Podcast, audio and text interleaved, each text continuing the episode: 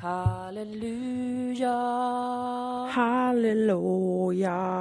Vem är du då? Jag är ju Moa från Dilan och Moas podcast. Jaha, förlåt. Ja. förlåt.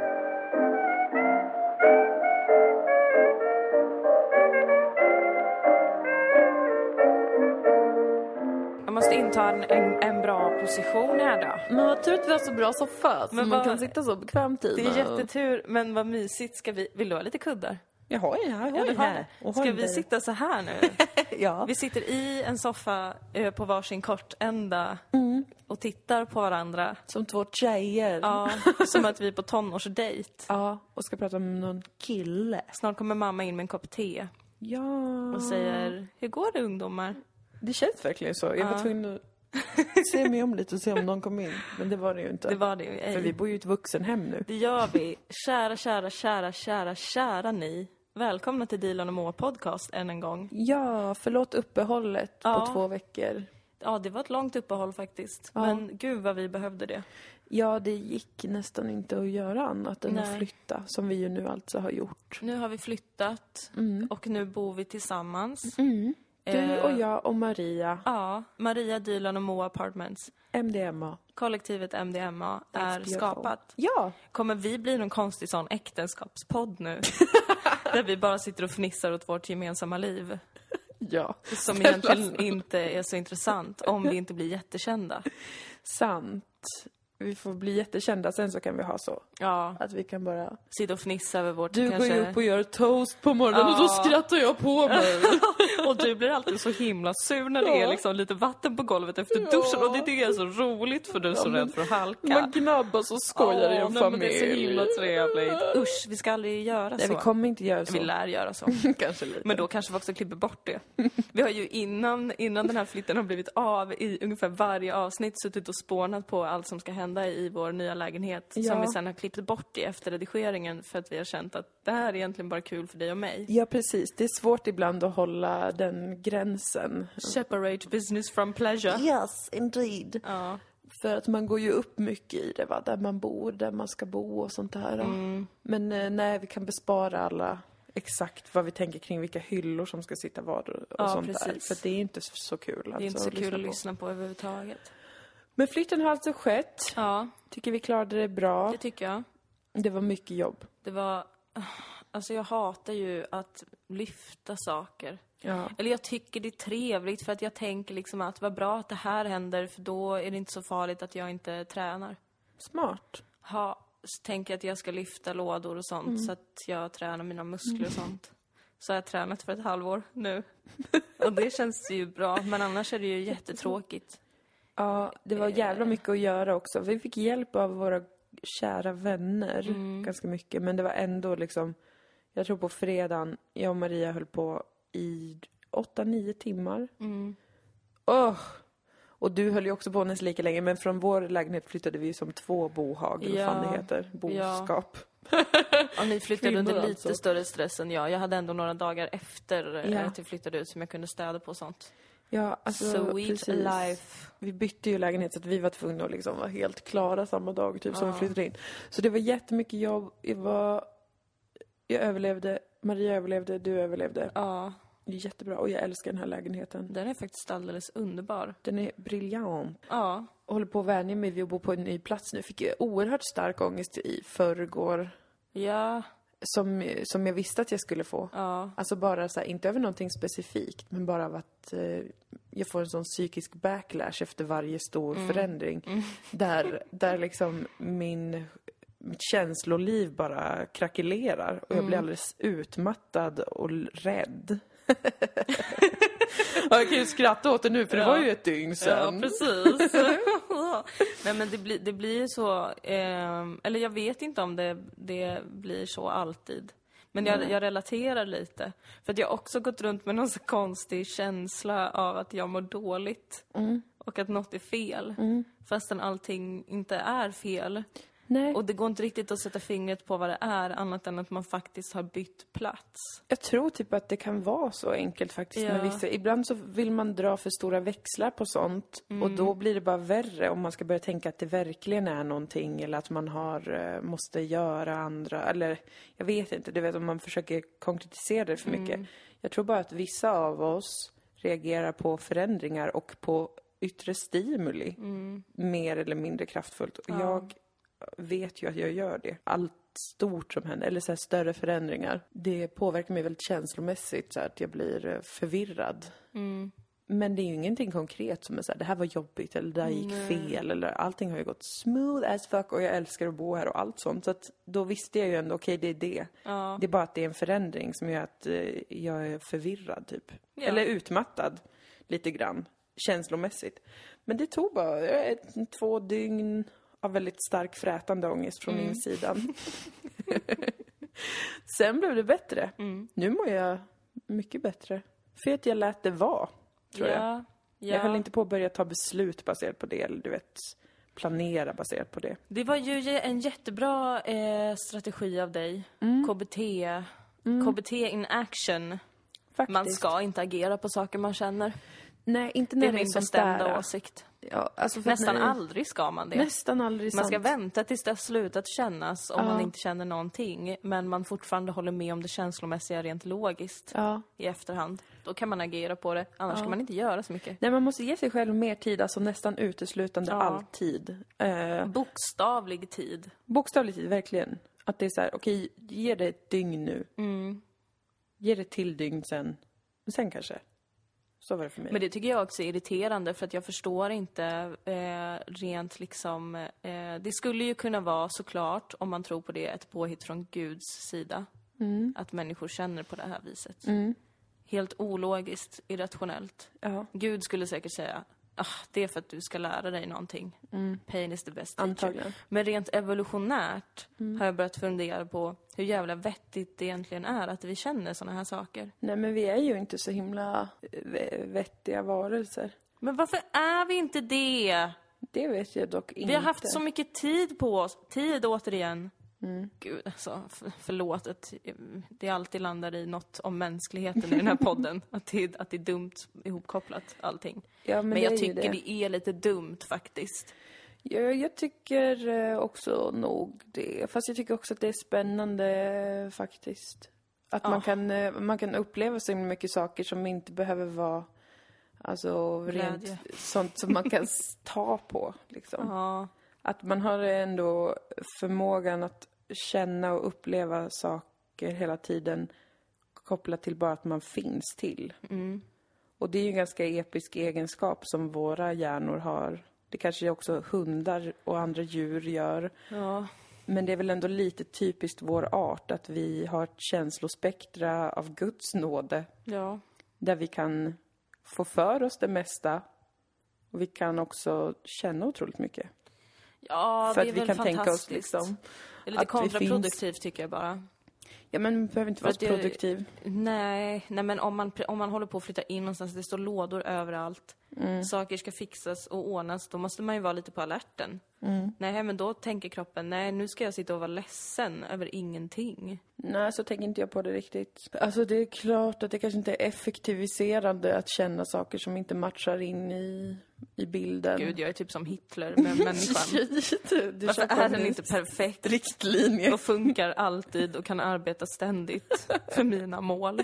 Jag är mer som en sån gammal hippie-häxa-tant som bara, saker tar sin tid och Mm. saker passerar genom systemet och... Ja, men skämt åsido så kanske de där känslorna av eh, ångest och så vidare är till för att eh, tvinga oss människor att stanna upp, Ja, helt enkelt. det är mycket För möjligt. annars gör man ju inte det. Nej, Och då är ju alla de här känslorna och tankarna och, och upplevelserna vi faktiskt har inombords helt eh, i onödan. Ja. Om vi inte kan bli paralyserade av ångest och behöva sitta och tänka på dem. precis. Det kan nog finnas någon sån funktion. Ja, säkert. Men sen så tror jag också, du minns att det kom någon sån här grej med HSP som jag tyckte var så här lime. Alltså high sensitive people eller whatever. Förlåt om jag låter jättetaskig nu om någon liksom har gjort det till mycket sin grej, att det gav mycket förklaringar till ens känslor och sånt där. Men jag, jag tänker ju liksom inte att det jag vet inte, det är ju ingen diagnos, men det var ju väl någon slags sätt att förstå hur vissa människor inte vet jag, att vissa känner mer inför Ja, men något. att vissa kanske är li, lite mer öppna bara inför något som eh, finns för, för alla. Ja, men typ att Jag man reagerar inte. superstarkt på, på yttre stimuli. Typ Mm. ljus och ljud och att man kan vara jätte, man kan bli jättestressad av en viss typ av eh, situation baserat på typ att det är för högt ljud eller man, man Mm. tar in intryck så mycket att man blir, jag vet inte. Man blir väldigt känslig då. Ja, man känner av saker känner- och allt. Och det tänker jag ju inte är någon diagnos eller någonting specigt utan jag tänker bara att det är en variation på hur, hur man kan uppleva saker. Och jag tror, Ja. jag tror att vissa kanske absolut reagerar starkare på sådana Ja. grejer. Men jag tycker också det blir konstigt om det ska vara en så avart av hur en människohjärna fungerar. För det tror jag är att liksom underskatta de som inte har det så. För jag Ja. tänker att alla upplever, fast vi upplever kanske på lite olika sätt och i lite olika intensitet. Ja, och kan förklara det sen olika till andra. Precis, och man har olika redskap att formulera och uttrycka sig kring vad det är som händer och sånt där. Nej, Jag blev faktiskt också irriterad när HSP-grejen kom. Ja, det kändes inte... Det kändes som ytterligare ett sätt att befästa att normen är en typ en, en människo... En stängd människa. Ja, en människa som inte upplever Ja. saker. Fast jag tror inte att det är där det skiljer sig. Jag tror inte att våra hjärnor skiljer sig på det sättet. Eller våra, våra, att människor skiljer sig från varandra på något sånt, eh, på sånt grundläggande sätt. Där det kommer till typ att, jag vet inte. Jag tror att det finns jättemånga, alltså lika många variationer som det finns människor. Det är ju bara att vi alla funkar helt olika bara. Mm. Men vi är ju fortfarande kännande varelser liksom. Nej, det, är det där är faktiskt jätteintressant tycker jag. Ja, men för att jag har ju som fått höra det ganska många gånger, så här, men inte du HSP, typ? Alltså så här, ja, eller vad, ja, eller jag vill en, jag vet, jag, det är någonting i mig som absolut inte vill eh, etikettera det på det sättet. Ja. Fast en, en absolut, enligt den definitionen, så är ju jag absolut en sån Ja. person. Eftersom att jag kan bli då till exempel helt eh, över, överstimulerad av eh, en viss typ av eh, sammanhang eller att jag Mm. kan få jättemycket ångest av ett visst, jag vet inte, något som andra tycker är en helt normal situation Mm. som inte orsakar någon ångest. Och så vidare. Men jag har som inget, jag, jag förstår inte varför det skulle vara en egen kategori av människa utan jag tänker att det är en, det är en variation på hur man upplever eh, kanske då. Jag vet inte om jag låter väldigt oklar nu. Jag, jag kommer bara att tänka på det med tanke på det här då med att få ångest av till exempel att flytta eller få ångest men att bli orolig av en sån förändring eller få ångest av det och sådär.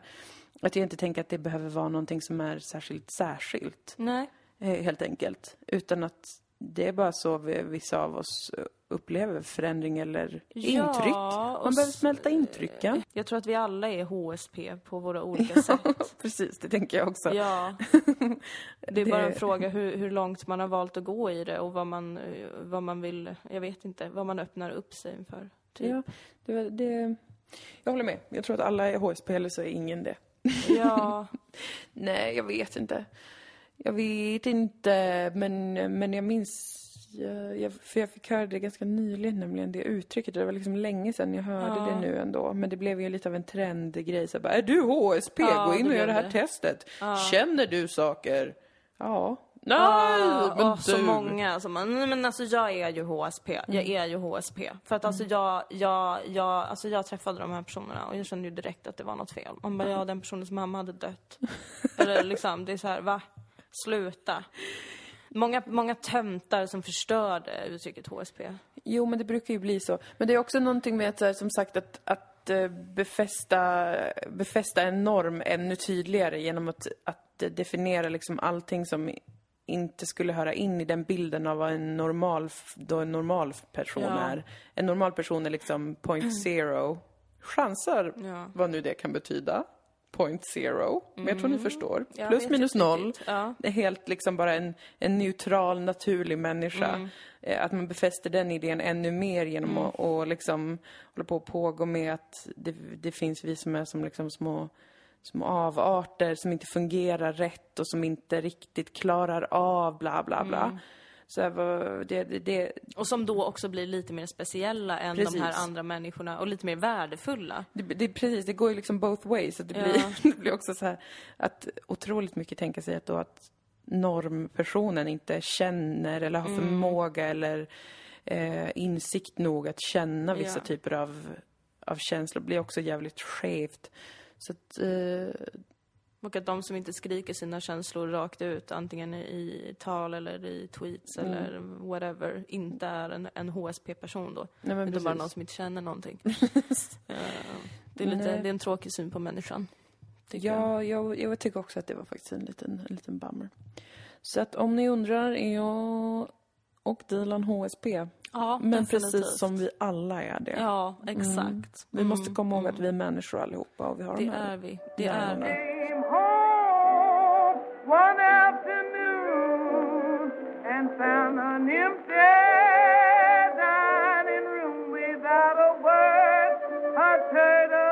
Man får lov att, känna av det man inte ser. Det tycker jag absolut. Jag tycker det är orimligt att inte tänka på de sakerna. Mm. För att vi kan inte tro att, att vi går runt här och, och kan, eh, kan se allt genom våra linser. Det kan vi inte. Nej, Vi kan bara se det som, som det är absolut nödvändigt att vi ska kunna se. som inredning. Ja, precis. Sen finns det en mängd saker i, i eh, vårt, vårt direkta närhet som är universum. Ja.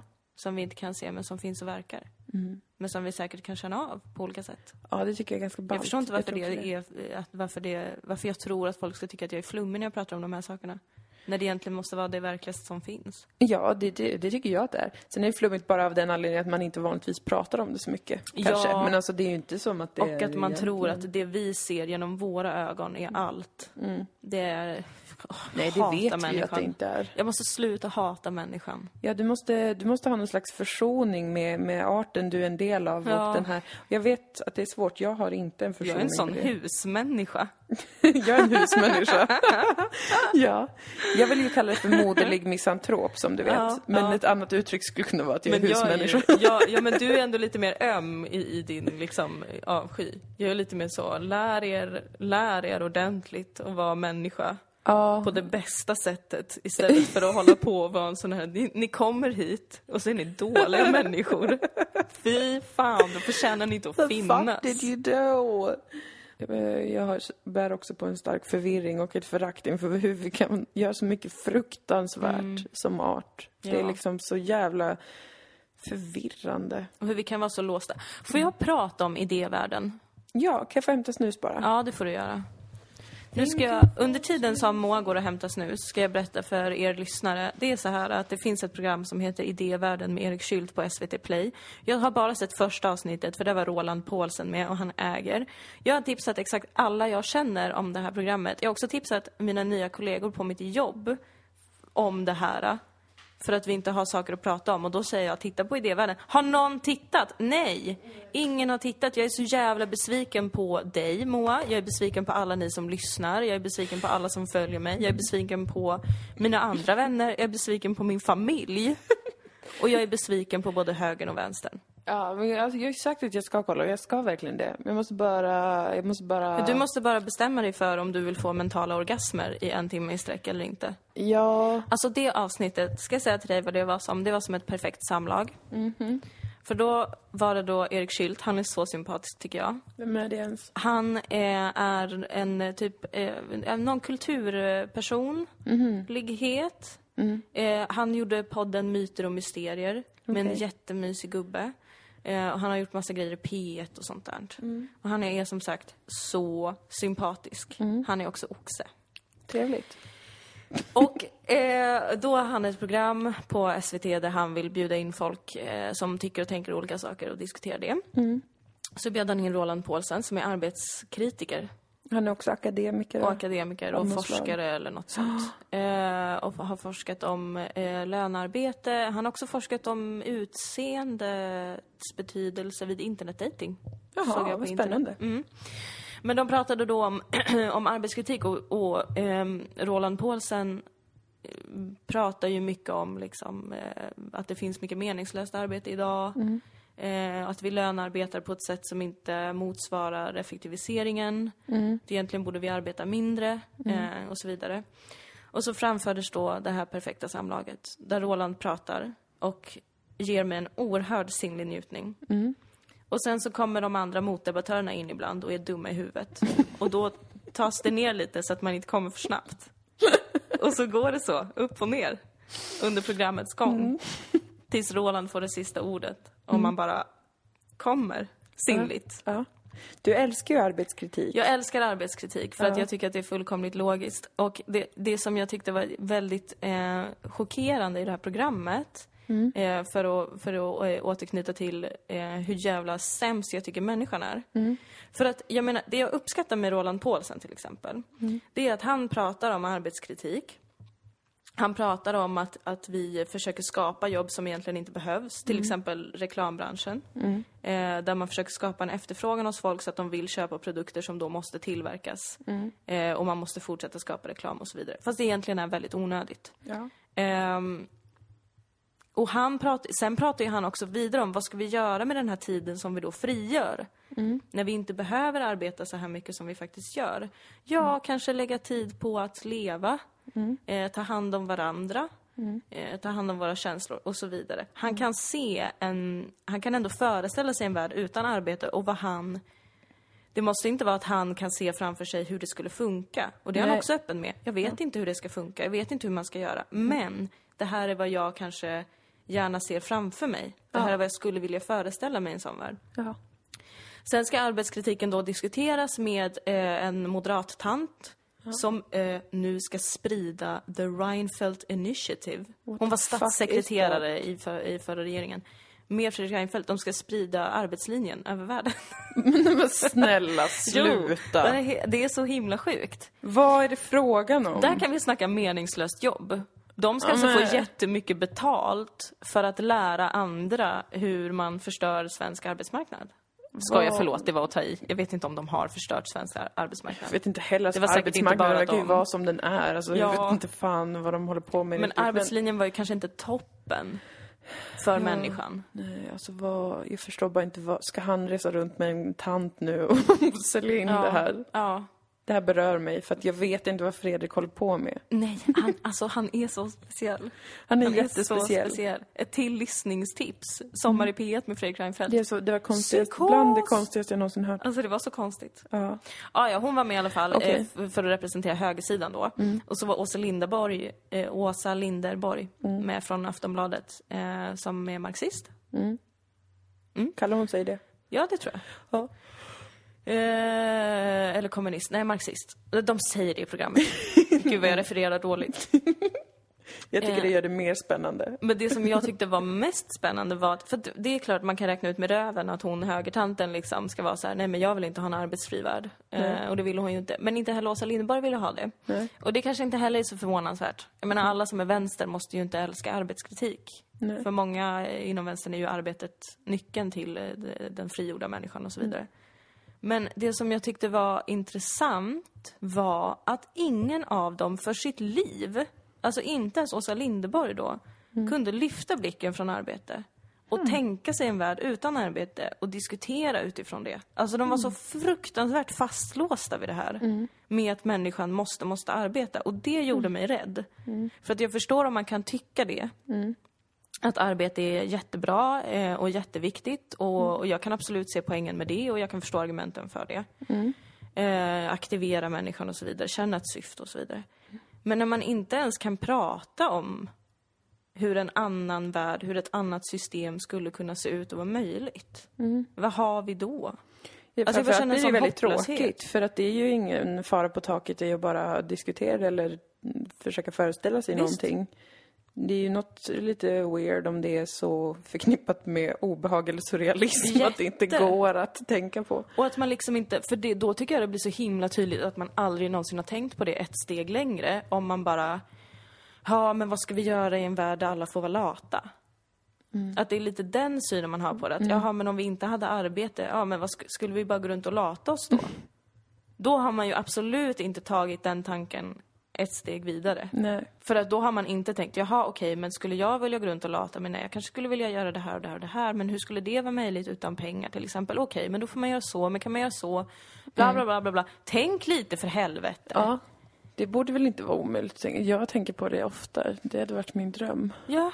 Nämligen. Eller i och för sig, ja, jag tycker det är väldigt trevligt upplägg som, som jag har det nu. Men alltså jag, jag älskar ju att vara ledig. Det här har vi pratat om i varje avsnitt. Ja. Att vi båda älskar det. Ganska Ja. mycket. Eller väldigt mycket. Ja, men det är väl kul. Vem fan gör inte det? Tydligen vissa.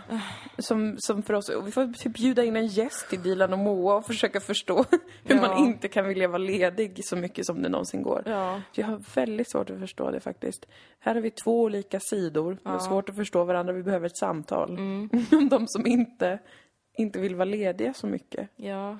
Eller som i alla fall inte kan se framför sig hur det hade varit. Men de får väl hålla på och fixa och dona med grejer då. Bara att de inte behöver lönearbeta då. Ja. Men jag ska kolla på det här. Jag ska verkligen. Jag Ja, lovar dig gör det. det. Jag lovar dig det. Jag vill också säga, efter eh, att vi pratade om pengar, så skickade ju en av eh, våra lyssnare en, en, ett, ett, en bild ur en bok som Jaså? heter Sapiens, Ja, den har ju jag läst. som ju du har läst. Men varför har inte jag sett det? Vad dålig jag har varit. Förlåt, du jag är dålig på internet. Fruktansvärd mat. Nej, jag skojade bara. Eh, hon skickade det till oss på eh, Instagram. Det är lite svårt att kolla Instagram tycker jag. De här direct messages Jag kollar jag är... nästan aldrig det och jag ber om Nej. ursäkt för det. Och jag, jag, jag vill också säga att jag håller på med en sociala medier-strategi för mig själv som gör att jag inte är lika kontaktbar där. För att jag har pågått nu ett tag med att, ha in, att inte vara inne på internet. Har du bytt lösenord på Dilan och Moas Instagramkonto? Nej, Nej. men jag har däremot inte kunnat logga in. Nej, inte jag heller nu. Ah, ja, men hon skickade en bild ur den här boken i alla fall, eh, där, där de pratar om pengar som eh, något väldigt bra faktiskt. Att pengar är liksom, eh, vad ska man säga, hur ska man sammanfatta det? Ett betalningsmedel som egentligen inte diskriminerar, tolkade jag det som. Alla kan ju använda pengar och ha pengar och det är ett väldigt effektivt eh, system. Och eh, det, är ju, det, det vill jag bara säga också är, är he- helt sant. Eh, att jag håller med. Jag tycker pengar är supereffektivt. Problemet är ju hur vi människor använder pengar. Ja, Och problemet hur vi styr varandra med pengar. Och Ja. gör pengar till ett maktmedel. Jag vill bara lägga till det Ja. som en kommentar till förra avsnittet. Och Sapiens är ett bra, en bra bok. Ja, jag ska låna den av dig. Jag har den inne på rummet, gumman. Jag kommer till ditt rum kanske imorgon Ja, vi bokar in en tid. Och så kommer jag Får att du låna knacka den. på och se om jag är hemma då. Precis. Du har Precis. klättrat ut genom fönstret och gjort något annat. Ja, men man vet ju aldrig. Man, vet ju aldrig. Ja, oh, Ja, men gud, vad spännande. Jag, ja, uff, jag behövde få ur mig det där om idévärlden faktiskt. Ja, du har gått och burit på det. Jag är glad att Ja. du fick prata lite om det och, och jag ska kik, kika på det så kan vi Ja. kanske prata samman Det om kan vi det. kanske göra och alla ni som lyssnar kan också titta på det och bara fundera lite. Vad, hur skulle ett annat system kunna se ut? Mm. För att vi måste tänka på sånt. Ja, Vi kan inte tro att det här systemet vi lever i är liksom av naturen givet, för det är det inte. nej. Vi har skapat det tillsammans. Och nu verkar, mår inte folk så bra i det här systemet. nej. Förutom de som är jätterika, de har toppen. Men de har också alltid mått toppen. Jag läste i, tror jag, The New York Times, Humble Brag, känns som läst på engelska, om alla tech-miljonärer, tech billionaires and billionaires från Silicon Valley som har börjat preppa mer och mer. Det är jättevanligt att de preppar sig för en undergång och apokalyps. Och jag Va? vet inte om det alltid har varit så, men de, i den artikeln så var det så här. Eh, de eh, att det har blivit vanligare och att många är rädda för artificiell intelligens. Jag undrar om ant- antingen så är det att alla de här miljonärerna, på tal om att de kanske inte är så lyckliga, eller att de är lyckliga fast de kanske, vissa kanske inte är det. Att de ändå är så himla otrygga för att människan är en väldigt otrygg varelse, för ingenting Ja. är tryggt för oss. Så, Nej. så man, kan, man tror att man kan garantera sin trygghet, sen så kan man bara det till någon viss gräns kanske.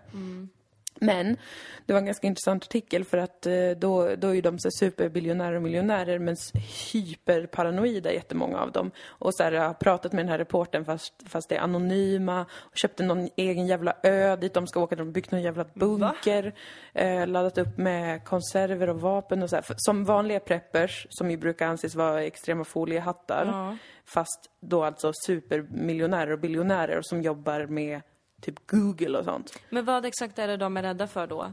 I den Eh, Dels så var det ju många som bara var, var rädda för att samhället ska kollapsa. Alla våra, eh, allt vi har, har gjort Ja.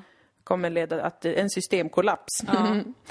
eh, och sen så många som också då är rädda för AI, artificiell intelligens. Vilket är den här eh, boken Sapiens. Samma Ja. författare har skrivit en uppföljare nu som heter Homo Deus. Och den har jag börjat läsa. Den handlar mycket om artificiell intelligens också. Och det är läskigt alltså, det, det är ganska läskigt. Men då är alla de där miljonärerna superparanoida och tror att eh, artificiell intelligens, om, det, om, det, om vi människor eh, använder det fel då, den nya vetenskapen om det, så kommer det gå på röven. Ja. Vilket inte skulle förvåna mig i och med att allt människor gör, vid, någon, vid något tillfälle går det på röven. Ja. Och så blir konsekvenserna större och större ju fler som är involverade. Och nu är så jävla många miljoners miljarder människor involverade i Ja. varje jävla grej, i varje system. Så att fallet blir ju hö- från högre Ja. höjd, kan man ju tänka då. Men eh, det, jag tycker fortfarande att det känns som så här futurism, robotfilm, fast det är inte längre det riktigt.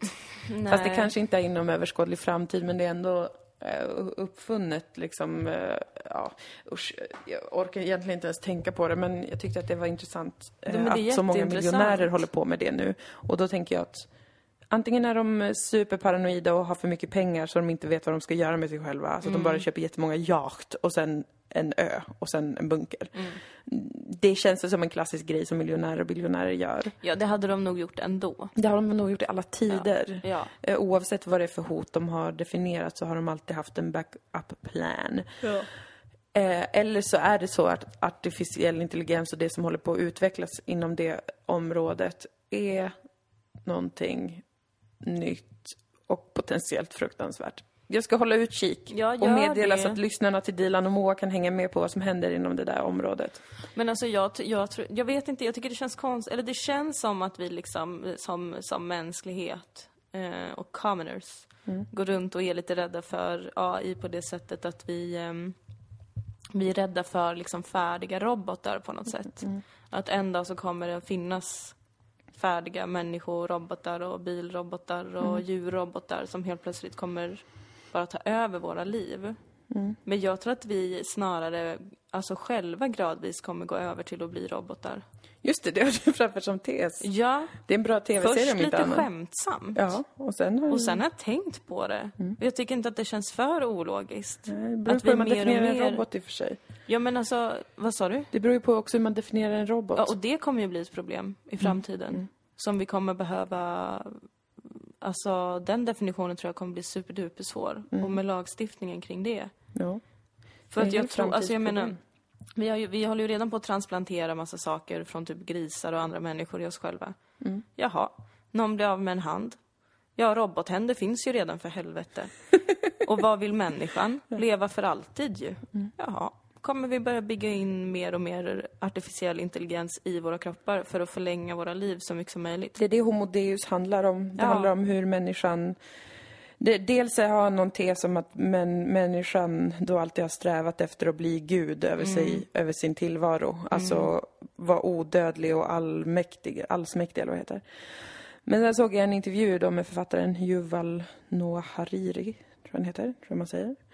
Där han pratade om den här boken. Då pratade han om att det som då han ser potentiellt skulle kunna hända, han är historiker egentligen, men har han spejat in i framtiden. Det är inte en skyddad titel. Det är inte en skyddad titel. det är att då att eh, fler och fler maskiner kommer kunna göra de jobb vi gör, fast bättre. Ja.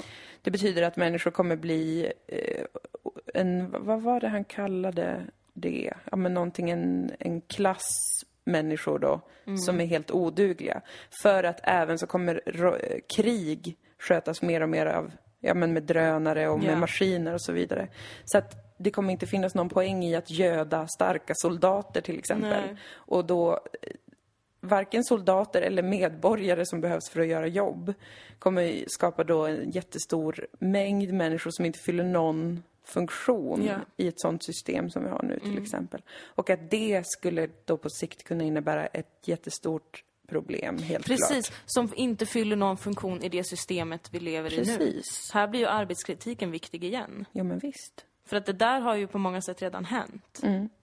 Eller ja, precis, det håller på att hända. Men istället för att bli glada och bara vad skönt, nu behöver vi inte hålla på och jobba så jävla mycket för att bygga det här samhället, vi kan också njuta lite av det. Så tänker vi, oj oj oj vad jobbigt. Varför har inte jag någonstans att gå nu på måndag klockan åtta på morgonen? Alltså som privatperson avrättad. förstår jag ju att man får panik, för man behöver ju fortfarande pengar. Men som någon jävel som kan påverka någonting. What the fuck? Free the people man. Free the Woman. Hen. Det ska bli superintressant att läsa den boken faktiskt. Ja. I, ja, Vi är så masochistiska människor. Jag Det är vet. som att vi vill plåga oss genom livet hela tiden. Ja. Antingen genom arbete eller genom känslor. eller något annat. Vad är det frågan om? Och, det, och ändå samtidigt som det är så, så är det ju som att det verkar ändå vara, finnas en relativt stor konsensus kring att det som betyder mest för människor är typ deras familj. Visst? Att det ändå, Ja. alltså okej att man kan ha, det är jättestora individuella skillnader.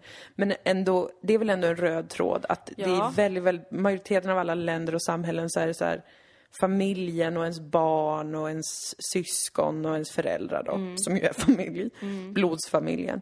Det är ändå det som alla är så här, jag, jag, jag älskar att vara med mina barn, jag vill, vara, jag vill att mina barn ska ha det bra. Så folk bryr sig ju asmycket om det, men ändå så, så utformas inte livet så jävla mycket efter det. Nej. Nej, det gör det ju inte. Det känns som en liten logisk lucka tycker jag, att det ska ändå vara liksom så Fast jag vet inte vad jag, vad jag pratar om riktigt. Det, kanske, det är ju väldigt prioriterat också på många sätt. Eller premierat. Eh, Ja, premier, men det är återigen det här med tiden. Mm. Tiden som vi har med varandra. Att vi är bort vår... Det, det där tänkte jag ju på jättemycket efter att jag hade läst eh, eh, berättelsen om Momo. Mm. Har du läst den? Mm, när jag var liten fick Av jag den Michel läst för mig. Jo. Den kan ni läsa om. Kampen om tiden. Momo, kampen om tiden. Mm. Ehm, att, att, vi, ehm, att vi ger bort så extremt mycket av våran tid. Vi kompenseras ju för det med pengar. Mm.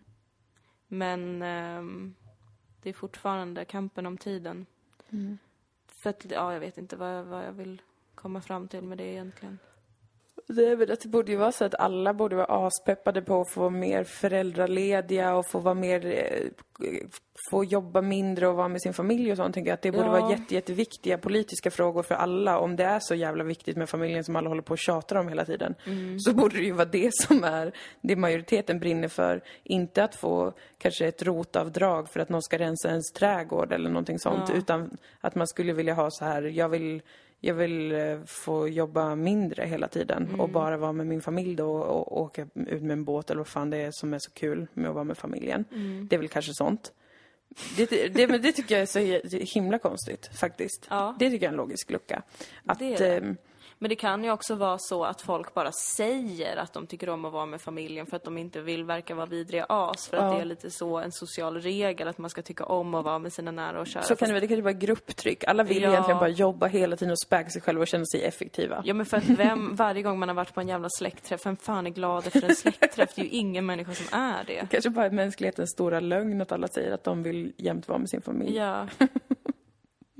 Alla kanske verkligen bara vill löneslava hela tiden. Jag kanske vill det. Ja, vi kanske Utan vill att det. förstå det själv. Varje gång jag är olycklig så är det för att jag inte arbetar. Ja, du är verkligen en löneslav. Jag är ju verkligen det. Jag, eh, jag är nog också lite det. Nej. Jag älskar att vara ledig så jävla mycket. Men det är ju en skillnad på att göra saker för att man känner att man har ett behov av att göra saker och på olika sätt reproducera sig själv. Och att arbeta för att bidra till ett system som egentligen är till stor del ganska onödigt. Precis. Det är faktiskt lite olika saker. Det är det som provocerar mig. Det här är svåra frågor det här. Jag behöver kolla in lite mer eh, och sådär för jag har inte tänkt på det så jättemycket. Jag tänker Så här på spontant så här. Medborgarlön till alla människor. Så att man kan klara sig i livet och sådär. Man, kan, man kan ha någonstans att bo och man kan eh, ha mat att äta. Och sen så kan man tjäna extra pengar enbart genom att jobba inom eh, det allmänna. Som till exempel skola, vård, omsorg, kollektivtrafik. Sånt som ändå behövs för att samhället ska fungera och alla ska må bra. Och alla barer. Mm. Alla barer, ja. Glöm. Bartender, biopersonal, kanske. Ja, ja.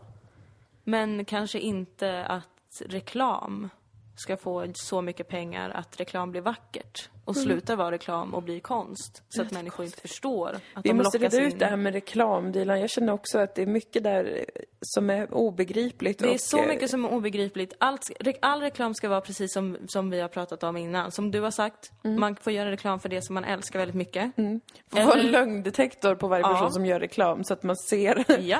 om den verkligen känner så. Eller så ska all Varmt. reklam vara som på TV-shop. Mm. Jätteful och dålig och tråkig. Och konstig. För att man ska förstå att det här är bara ett meddelande från ett företag som vill att jag ska köpa deras produkter. Inte Ja. åh vilken söt bulldog som åker på en skateboard, gud vad vackert. nu vill jag ha det här abonnemanget. Fy fan. Jag håller med. Jag håller Kan med. inte alla som har, jag har jobbar med tv-reklam bara resa sig upp och säga nej, jag är konstnär, jag är fotograf, jag är regissör, jag är klippare, jag är ljussättare, vi arbetar med konst.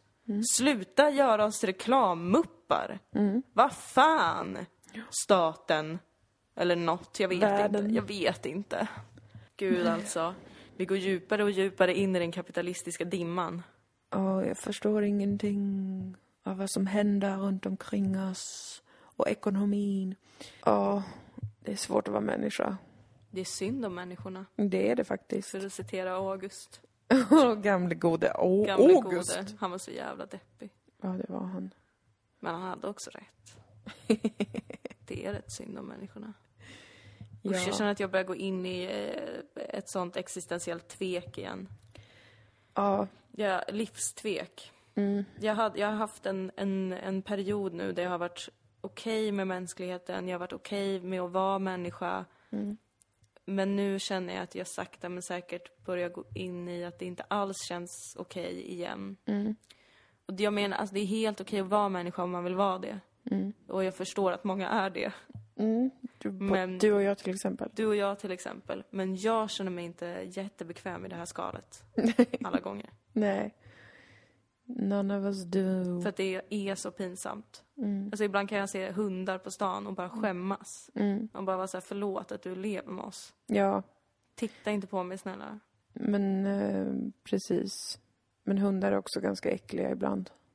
Ja men det Vissa av djur äter ihjäl sina barn och sånt. Det gör Ja, ändå inte människor i samma utsträckning. också.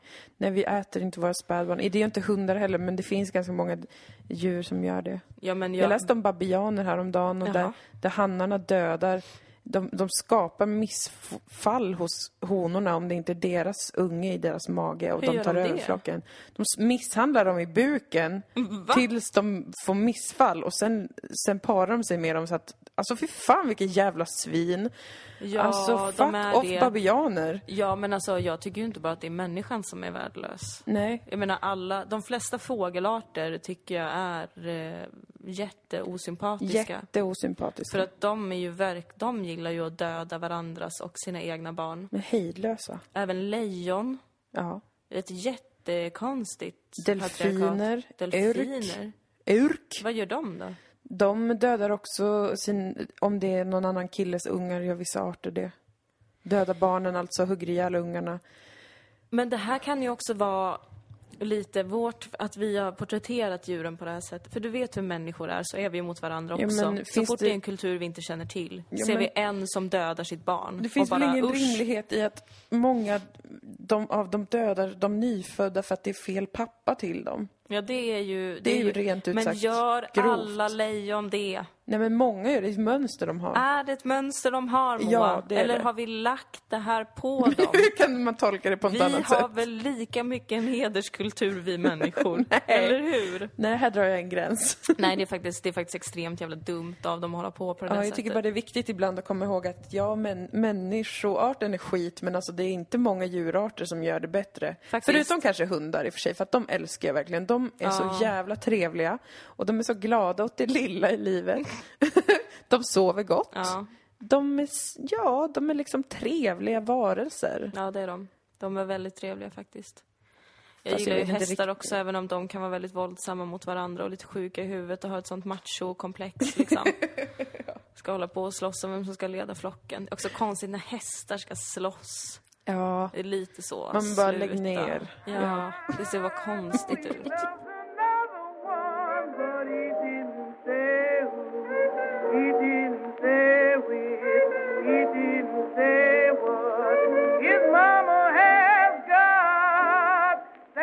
men vad jag tänkte på nu, för att vi kan inte gå in mer på, på existensen och sånt där. Nej, jag kände för vi, att jag- vi blir bara förvirrade båda två av Ja.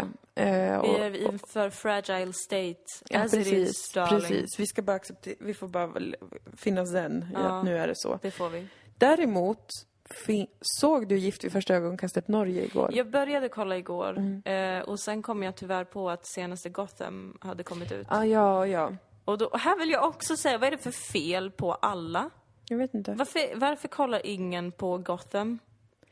Ja, jag gillar inte namnet och inramningen. Men Maria kollar ju på det. Ja, och det är jätte... Alltså jag har aldrig sett så bra casting i hela mitt liv. Oj. Jag var inte ens... Alltså, jag är inte någon sån serienörd liksom. Nej. Jag kan tycka att det är kul ibland att kolla på såna filmer och så. Men Mm. jag är inte, det är inte som jag är med, med kanske fantasy. Nej. Att det är ett behov jag har i livet. Nej.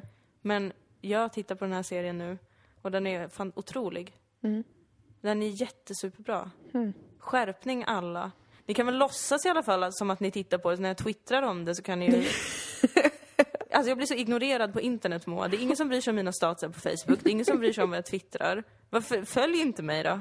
Avfölj då. Jag skulle säga att det där är säkert Mark Zuckerbergs fel. De har bara gjort så himla avancerade grejer med han Facebook. tycker bara att, han tycker jag är för tråkig på Facebook när jag frågar folk om, om det finns någon billig elektriker i Malmö. Ja. Han vill att du ska göra så juicy uppdateringar om att du har fått barn. Han är Annars sån, så åh det måste bli en viral succé. Uh, Så är han men jättemycket, far jag. åt helvete med dig. Ja men vad vill du prata om då? För Nej men jag trodde att jag hade sett det. Jag såg det, Just för vi det. fick tips om att eh, SVT nu såklart sänder Ja, Gift vid första ögonkastet Norge. ja, Och eh, så jag såg de två första avsnitten i morse. ja. Jävlar vad du Riktigt. har varit produktiv idag. Jag gick upp riktigt tidigt för att kunna se. Men ska jag säga en sak till som jag tänkte på när jag, för jag började kolla på det igår. Mm. Och då, tänkte, då kom jag på mig själv med att bli lite besvärad av det. Ja. Och bli lite besvärad av konceptet och att vi har tagit det här med, med att, att vara så easy going med arrangerat äktenskap.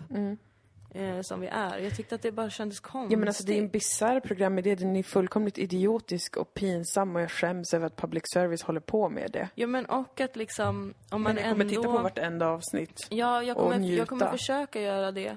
För att jag menar, om man ändå konstaterar... Alltså om man ändå har ett program som bygger på äktenskapet Mm. som en institution och ett fenomen. Man alltså erkänner äktenskapet som något sånt Mm. speciellt och som någonting mer än ett ekonomiskt avtal mellan två personer som det ju i praktiken egentligen är. Ja. I Sverige i varje fall. Ja. Här har vi ju inga lagar om eh, att man kan eh, skiljas på grund av otrohet och så vidare. Det finns, eller det finns inga sanktioner mot att, att taska mot varandra i ett äktenskap. Nej. Om det inte är våldtäkt eller misshandel och så vidare. Eh, man ändå, man laddar den med ett sånt värde samtidigt som man tar ifrån äktenskapet allt det värdet egentligen när man gör ett sånt här experiment. Ja, det är jättekonstigt. För att det är helt valfritt och bara på kul. Ja. Det, det, det gjorde att jag inte helt kunde kolla vidare. Nej, alltså jag, jag, eh, jag gillar ju väldigt mycket den här typen av TV. Det är Ja. inte längre någon hemlighet. Eller Nej. har aldrig varit. Jag gillar reality och allt sånt väldigt mycket.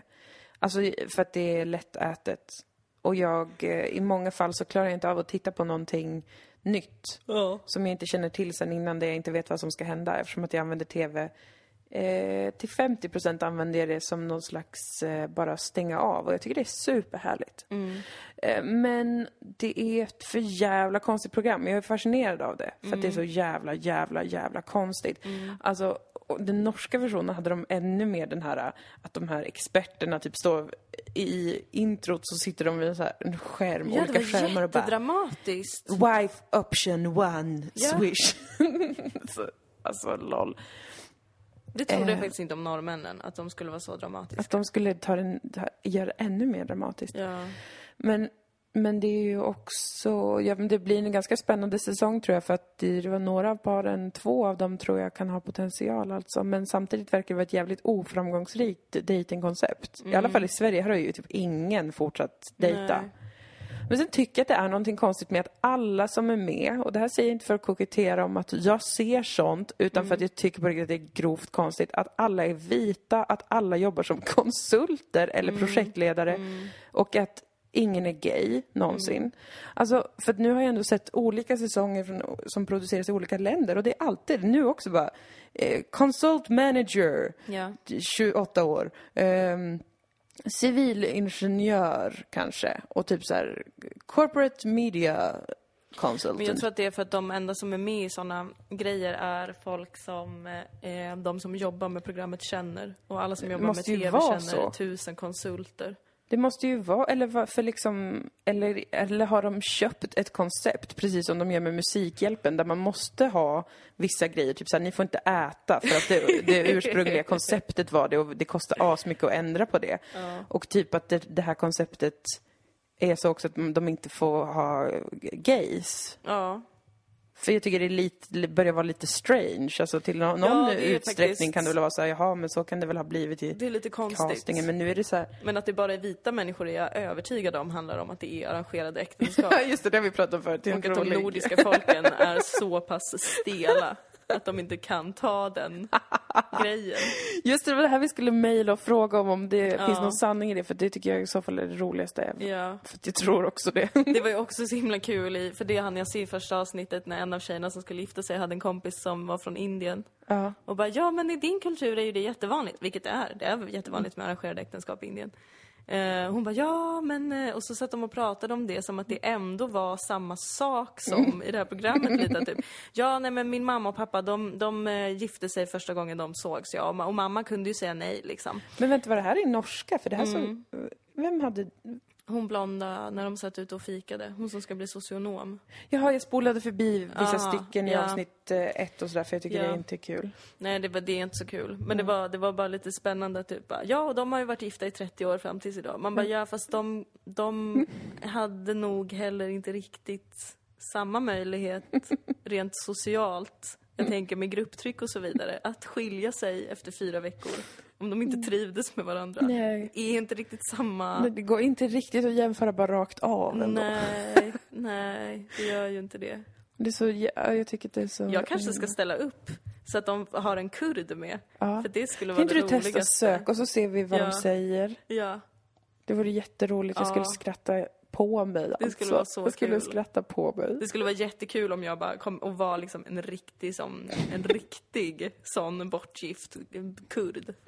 Du får gifta dig med någon där och sen så blir du jätte, säger att du är jätteolycklig. Ja, eller att jag bara, ja, ja, men eh, det är ju så här nu. Ser inga problem, har bara accepterat allt och bara, ja, men vi ska ju, Vi ska leva ihop vi ska nu. ju leva ihop nu. Nu har vi ju gift oss så att vi kan ha sex. Vad Men det skönt. vore, det vore också jätteroligt om man var med i det där och sen direkt efter man har vigt sig är man jätteolycklig men tror att det inte går att skilja sig. Ja. Så att liksom de följande fyra veckorna eller resten av... Åh, Och att man är såhär, men det går ju inte, vi kan inte skilja oss nu. jag vill bli supernidbilden av en ung kurdisk kvinna. Som då blir jätteledsen, olycklig och sen tar sitt liv genom en elkontakt. Nej! Efter Du får inte göra det veckor. på riktigt. Ja, Nej. det blir bra TV. Jävla bra TV. Ja, nej, det, det skulle faktiskt vara jätteroligt. Livet, alltså att, att Public Service skulle vara de som sänder det mest bisarra datingprogrammet Ja. i mänsklighetens historia, det är för mig, det är tokerier. Men vet du att det uppskattade jag ehm, i, för jag kollade lite på det amerikanska för ett tag sedan. Mm. Och då, jag såg inte så mycket av det heller, men i själva urvalsprocessen tyckte jag att det var eh, intressant och väldigt bra. Att, för där var ju expertpanelen mycket mer öppning för sådana saker. Typ, ja den här personen har den etniska bakgrunden, eller den här personen har den religionen, okej. och ja, den, den vill bara dejta någon inom den religionen, okej, då fixar vi det. Alltså att de ändå tog hänsyn till de här grejerna som man kanske inte vill prata om så öppet eller stå för att de finns. Nej. Att människor har väldigt fixa idéer om vilka de vill leva med och varför. Ja. Ehm, det tyckte jag var mycket bättre hos dem.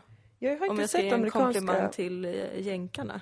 Som Varsågod USA, det går ju dåligt för. USA nu så vi kan ge dem, vi kan ge dem att de var lite Ja. bättre på att göra Det enda de är bra på, det är underhållning. Ja, jag måste se amerikanska kanske också då. Ja, för det, för det tycker jag är, det tycker jag är kul. Mm. Att man gör. Det blir spännande och jag kollar ju på Farmen nu också, följer Mm. Farmen. Det är inte bra. Nej.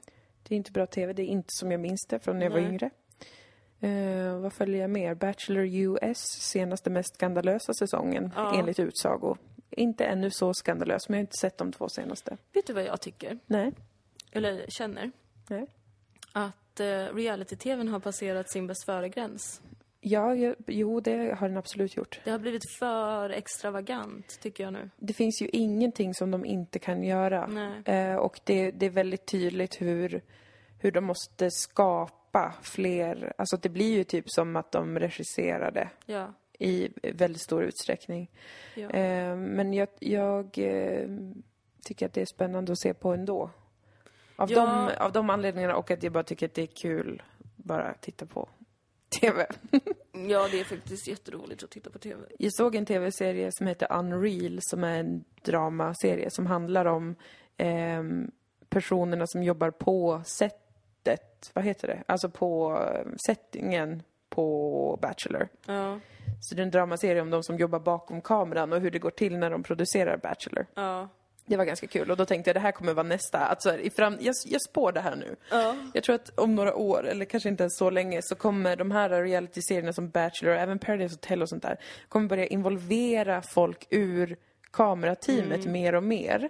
Att det kommer vara så att någon är kär, det finns redan lite såna grejer, så små parenteser när någon är typ har gått och, och legat med någon ur Mm. kamerateamet eller någonting. Det tror jag kommer bli mer och mer, även om det kommer vara regisserat Det så kommer, kommer det finnas vara... två, två arbetsteam på set. Ja, ett precis. som spelar och ett som filmar allt som händer. För att det ska kännas så här verkligt och oväntat. Bara, oh shit, de där blev intresserade av varandra nu. Så, så kommer det vara så jätte, jättemånga sådana steg i framtiden. TV om TV. När TV har gått för långt. Jag tror verkligen att det kommer bli så. Jag kommer följa det med stor spänning och Jag rapportera direkt från fältet där jag sitter och kollar på Eller att reality-tv. de bara gör en, en, en reality-serie om teamet. Ja. Och att liksom Paradise. Hotel-deltagarna är bara en kuliss. Man vet att det händer och att det spelas in, men det intressanta är ju inte dem. Nej, alltså jag, tr- jag tror verkligen att det är där, på den vägen vi är. För att Ja. de måste försöka hitta någonting som känns eller framstår verkligt och som verkliga relationer och Mm. inte, inte bara regisserat och liksom sånt där. Mm. Så det, det är ju nästa steg de måste ta. Ja. De har ju testat allt. De filmar de här människorna dygnet runt och de måste skapa intriger mellan dem. Men folk blir ju mer och mer av, alltså, avmätta, eller vad heter det? Mätta, kanske Ja. det heter. I am looking forward eh, to see this. Och sen, sen kommer nästa steg vara att man får följa dem som liksom har skapat programidén Ja. i deras liv. Det kommer vara så här, the real producers Ja. of Paradise Hotel. Åh gud, och så ses de ibland och har middagar. Ja. Stjärnorna på slottet, eh, producenten, Paradise Hotel, producenten, Farmen, producenten. Ja. Kanske Så mycket bättre producenten. Så sitter de och snackar skit om deltagarna och så blir det sådana skandaler och så bara Det här sa producent Jens om eh, Paradise Hotel-deltagaren. Ja. Skandalöst, säger producent Tjofräs. Jag vet att det finns fler än producenter som gör Oh, med det. och den som vinner Mm. får producera eh, nästa realityserie om kamerateamet bakom den här serien som vi spånar fram nu. Alltså fan vilket bra koncept det här är Dilan, vi borde patentera det. Det är patenterat nu. göra. Det är patenterat. Det här är framtidens TV. Ja. Svar ja, det här ska vi skapa. Fy fan vad kul. Jag längtar efter att se det faktiskt. TV är ju så stort nu. Det är faktiskt Även stort. fast det mest är på datorn. Ja. Men det är ändå så stort. Ja. Folk älskar TV. Kommer vi ens vilja göra TV? När det är så oindie som det är nu Det är sant. Vi kanske måste börja hålla på bara med typ hantverk eller någonting. Ja, skuggteater. Mm. Kanske att det får bli så. Mm. Och sen drar vi in pengarna på att producera och stå bakom de här nya reality-satsningarna. Precis. Vi ska göra så att vi bara behöver vara ett namn Ja. som syns. Mm. För att vi ska få pengar. Sen kan vi göra vad fan vi vill. Fan, ja! Det är ett sweet life alltså. Äntligen har jag min ekonomiska framtid säkrad. Ja, äntligen. I've been looking forward to that. Mm. Ha. Ska vi avrunda eller? Nu avrundar vi, jag måste äta någonting. Ja, jag med. Hörni, den 10 februari, det är ganska snart. Ja, det är nästa vecka. Det är nästa vecka. Då kommer vi att dyka upp i Uppsala på Regina teatern. Ja! Och vi kommer köra vår föreläsningsshow, Det nya tråkiga. Ja. Eh, där vi berättar allt om generationsforskningen på 90-talister för er. Mm. Under humorns flagg. Under humorns flagg. Eh, för vi är ju historiker och samtidsforskare. Inte skyddade titlar. Mm. Köp biljetter på www.reginateatern.se. Ni kan söka där på Det nya tråkiga så dyker det upp. Ja, vi ser fram emot att träffa er i gör vi. Uppsala för att vi har ju inte va- vi har varit i Uppsala en gång för Ja. några år sedan. Så därför kommer vi kompensera nu genom att komma till Uppsala både 10 februari och en gång till i april. Just det. Men då kommer vi vara på klubben Oslipat och så kommer vi köra vår första föreställning, en liten special edition där i, i påsktider. Mm. Ja. Det är inte riktigt påsktider men ändå, whatever. Whatever. Det blir kul toppen. Uppsala! Det blir jätteroligt. Och i helgen så åker vi till Göteborgs filmfestival. Det gör vi. Och vi kommer vara konferenciärer på den branschinterna Dragon, Awards. Awards. Så att dit kan ni inte komma om ni inte jobbar med film. Precis. Men vi Tyvärr. kommer vara där, så säg hej. Ja, Eh, Så säger vi också hej. vi Och kommer sen blir det väl bra. glida runt lite. Mm. Det blir askul. Ja, det, blir, det kommer faktiskt bli Ser fram emot jätteroligt. det mycket. Ser fram emot att driva med film framför jättemånga internationella filmgäster. Ja. Vi ska visa vår egen filmtrailer. Det, det ser jag fram emot. Help me God. Den kanske vi kan lägga upp på vår Facebook-sida sen. Ja, det kan vi ju absolut göra, tänker jag. Visst borde vi kunna göra det? Ja. Så att vi kan underhålla alla er med något också. Så att ni får en liten munsbit. Usch, vilket äckligt ord det är. Lite munsbit. rörlig bild. Det blir bra kompisar. Det blir toppenbra. Stötta gärna oss på patreon.com snedstreck Dilan och Moa. Eh, verkligen bara om ni vill och känner att ni vill bidra på något sätt till våra eh, jobbresor och eh, ibland eh, jobbmat eller eh, jobbutrustning Precis. som eh, rör den här podden eller våra föreställningar eller liknande. Ja. Och we love annars-. Ja, ha det bra. Tänk utanför systemet, vill jag understryka att ni ska göra. Ni behöver inte komma fram till något, bara fundera, fundera på, våga tänka hur er drömvärld skulle se ut. Det är bra. Och kolla på Gotham. Ja, Och men snälla, gör det bara. Bär med det. Alltså senaste avsnittet var så mäktigt att jag ville skjuta mig i kroppen. Oj, oj, oj, oj, oj. Så episkt var det. Ja, intressant. Ja, ja. Ta hand om er nu. Ta hand om er. Puss och kram. Hej då!